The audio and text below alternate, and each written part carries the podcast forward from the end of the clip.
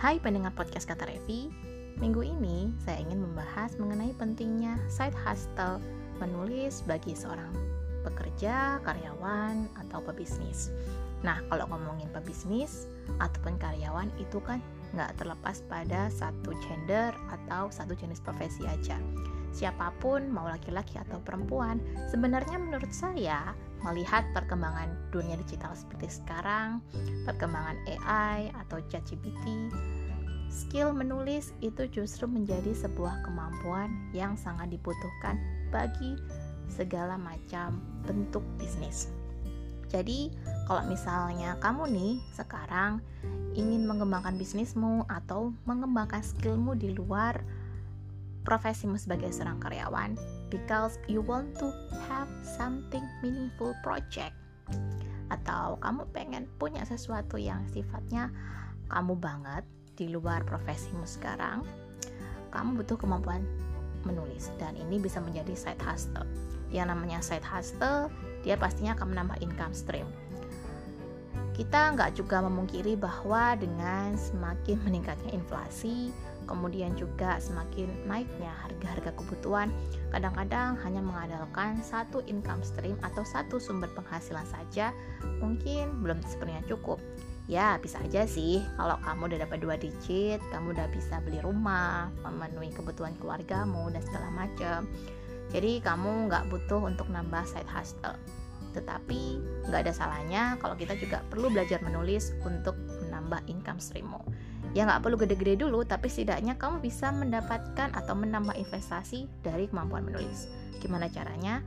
Hmm, saya nggak akan cerita tips tentang set hustle sebagai seorang kepenulisan tapi satu bulan ke depan saya akan bercerita dari sudut pandang seorang karyawan dan juga seorang berpreneur nah di podcast yang pertama ini akan saya ceritakan kenapa sih sebagai seorang pebisnis atau pekerja kamu butuh set hustle dari menulis Jangan lewatkan dan dengerin sampai selesai dan follow Instagram kata Revi KATA underscore REFFI.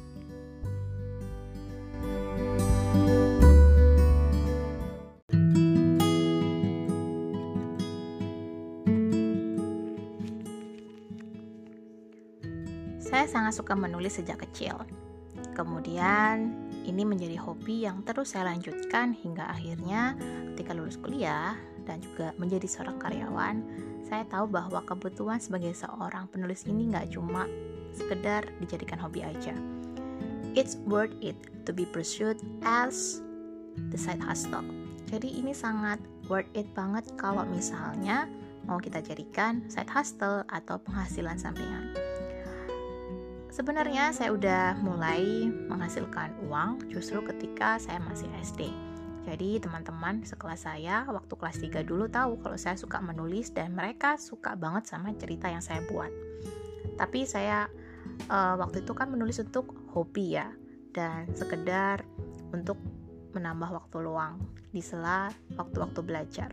Jadi ketika mereka menuntut untuk dibuatkan cerita versi atau genre yang mereka suka, saya merasa ya aku nggak mau dong nulis cuma-cuma buat mereka padahal saya nulis juga manual kan waktu itu belum punya komputer dan masih belum uh, ini ya di awal-awal 2000 itu kan masih belum ada komputer gitu kan. Jadi akhirnya saya bilang aja saya iseng waktu itu. Ya aku mau nulisin buat kamu kalau misalnya kamu bayar. Ternyata mereka mau gitu. Jadi saya buat cerita-cerita tersebut dalam potongan-potongan kertas bergaris yang saya potong dalam bentuk persegi panjang lalu covernya saya beri kertas buffalo berwarna. Dan itulah karir menulis saya yang pertama. Saya bikin katalog judul dan katalog genre. Tapi setelah itu setelah satu tahun saya mau fokus belajar dan bisnisnya nggak berlanjut. Walaupun sangat menguntungkan karena saya bisa menjadi uh, penabung kas kelas terbanyak hingga akhirnya saya bisa beli sepatu dengan uang dari hasil jualan cerita.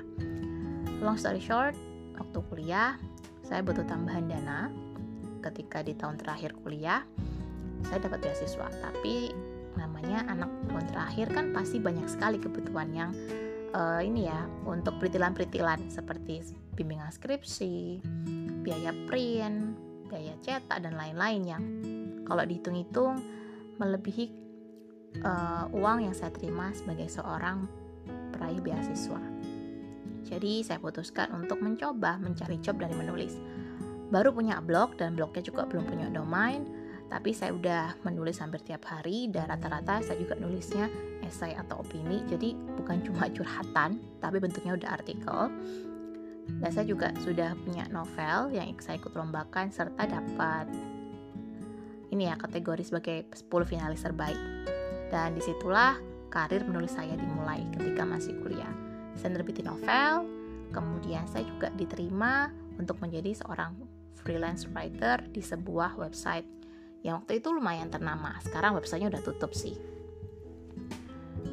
Ternyata walaupun awalnya cuma dibayar 15.000, 20.000 per artikel dengan deadline yang sangat ketat, saya sangat menyukai aktivitas tersebut. Ketika sudah bekerja pun, saya tetap menekuni aktivitas sebagai seorang freelance writer. Kenapa sih e, kemarin tuh banyak yang tanya gitu ya murid-murid privat saya, kenapa Kak Revi nggak fokus nulis aja? Kenapa masih tetap sebagai karyawan? Ya, for your information, sebagai songwriter saya adalah seorang pembelajar bahasa dan juga profesional di bidang bahasa asing khususnya bahasa Jepang. Jadi kenapa saya masih bekerja sebagai seorang karyawan di perusahaan? Ya karena saya memang suka dengan bidang pekerjaan tersebut. Saya memang bekerja utamanya sebagai seorang Japanese interpreter atau staff yang bekerja di bidang bahasa Jepang sebagai penerjemah sekaligus juga mengerjakan bidang-bidang lain yang terkait seperti administrasi dan purchasing tapi nggak jauh-jauh dari bahasa Jepang ya intinya saya akhirnya belajar banyak hal dari situ. Sekaligus juga saya menambah networking dari bisnis atau dari klien kantor saya. Jadi menurut saya itu win-win solution. Kenapa sih kita sebagai seorang pebisnis atau juga karyawan perlu menekuni dunia menulis sebagai side hustle? Ya mungkin aktivitas menulis ini nggak akan menjadi prioritas utamamu tetapi dengan kamu belajar, dengan kamu menekuni dunia menulis, kamu bisa mendapatkan banyak manfaat yang bisa kamu aplikasikan untuk aktivitas profesion profesionalmu yang lain. Contohnya, misalnya kalau kamu butuh presentasi untuk pitching bisnis, kemudian uh, kamu uh, bekerja sebagai seorang pemilik bisnis, kamu punya bisnis online, terus kamu mau bikin branding buat uh, platform bisnismu, kamu nggak perlu harus hiring orang lain. Kamu bisa mulai mengerjakannya sendiri. Bayangin kalau misalnya dengan skill copywritingmu, kamu bisa membangun pitching untuk presentasi di kantor dengan sangat berbobot, praktis, dan juga menjual. Sangat menarik kan? Terutama kalau misalnya kamu adalah seorang uh, bos untuk dirimu sendiri. Jadi kamu jualan online, kamu masih belum punya budget untuk menggaji copywriter atau menggaji admin medsos. Semuanya harus kamu kerjakan sendiri.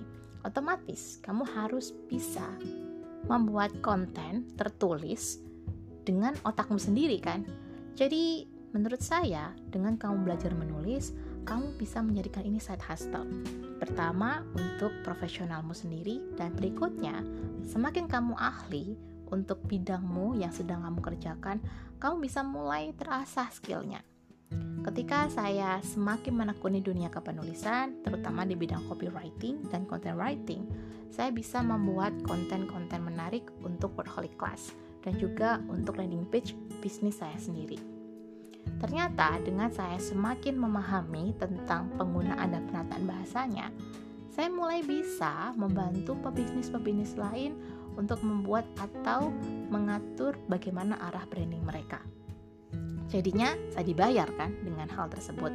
Kemudian yang kedua, saya juga sejak ya 2018 saya sudah serius menekuni bidang sebagai seorang mentor kepenulisan. Mulai dari menulis buku fiksi, novelet, kemudian di bidang flash fiction, content writing, blog, dan sekarang copywriting.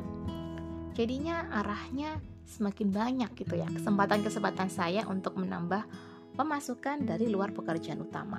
Jadi pembicara, menjadi seorang trainer dan lain-lain. Dan impian saya adalah memang menjadi seorang wordpreneur. Jadi bekerja di bidang bahasa atau tulisan. Nah, kalau kamu yang memang passion utamanya bukan menulis, menurut saya kamu perlu belajar menulis. Setidaknya kamu gak akan bingung untuk bikin materi untuk bisnismu sendiri. Dan kamu gak terlalu bergantung sama ChatGPT. Pakai ChatGPT itu memang praktis, apalagi kalau kamu pakai yang premium. Kamu bisa mendapatkan konten satu artikel hingga satu landing page secara utuh. Tetapi bahayanya kalau kamu terlalu bergantung sama ChatGPT atau fitur AI lainnya, tulisanmu atau bisnismu akan kehilangan nyawa. Gimana maksudnya? Karena sebenarnya kecerdasan artifisial itu merangkum keyword-keyword yang ada di internet untuk diolah menjadi sebuah konten untuk prompt yang udah kamu masukin. Tetapi mesin ini nggak ngerti siapa target audiensmu, bagaimana kamu ingin dikenal, dan bagaimana jiwa ontentikmu yang ingin kamu bangun, entah itu sebagai personal branding atau untuk bisnismu sendiri.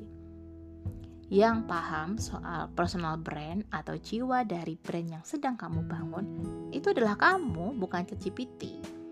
Jadi bisa aja sih kamu membuat konten dari ChatGPT tapi sebenarnya 50% sisanya itu adalah otakmu untuk merombak dan merevisi supaya nggak kelihatan terlalu generik atau general.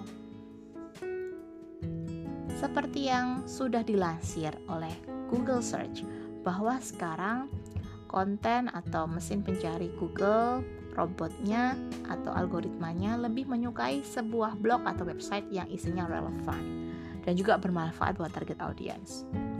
Bayangin aja kalau isi blognya cuma pakai ChatGPT yang ya ATM aja dari berbagai referensi di luar sana. Akhirnya kamu kehilangan jiwa brand dan orang akan mikir, ah ini udah sering nih dibahas di blog-blog lain. Apa yang membedakan? Nah, yang bisa membedakan adalah jiwa dari brandmu sendiri. Gimana? Udah paham kan kenapa seorang pebisnis atau seorang pekerja sekalipun perlu belajar menulis dan perlu menambah side hustle. Kita nggak tahu nanti ke depannya apakah kita akan terus menjadi karyawan atau apakah kita akan terus bekerja sendirian. Ketika kita mulai berkembang karirnya, kita juga butuh melatih orang lain di bawah tim kita. Nah, kalau kamu punya skill, kamu bisa mengarahkan timmu dengan wawasan dan skill yang sudah kamu punya. Sisanya kamu bisa lebih santai dan relax, tinggal ngecek pekerjaan timmu.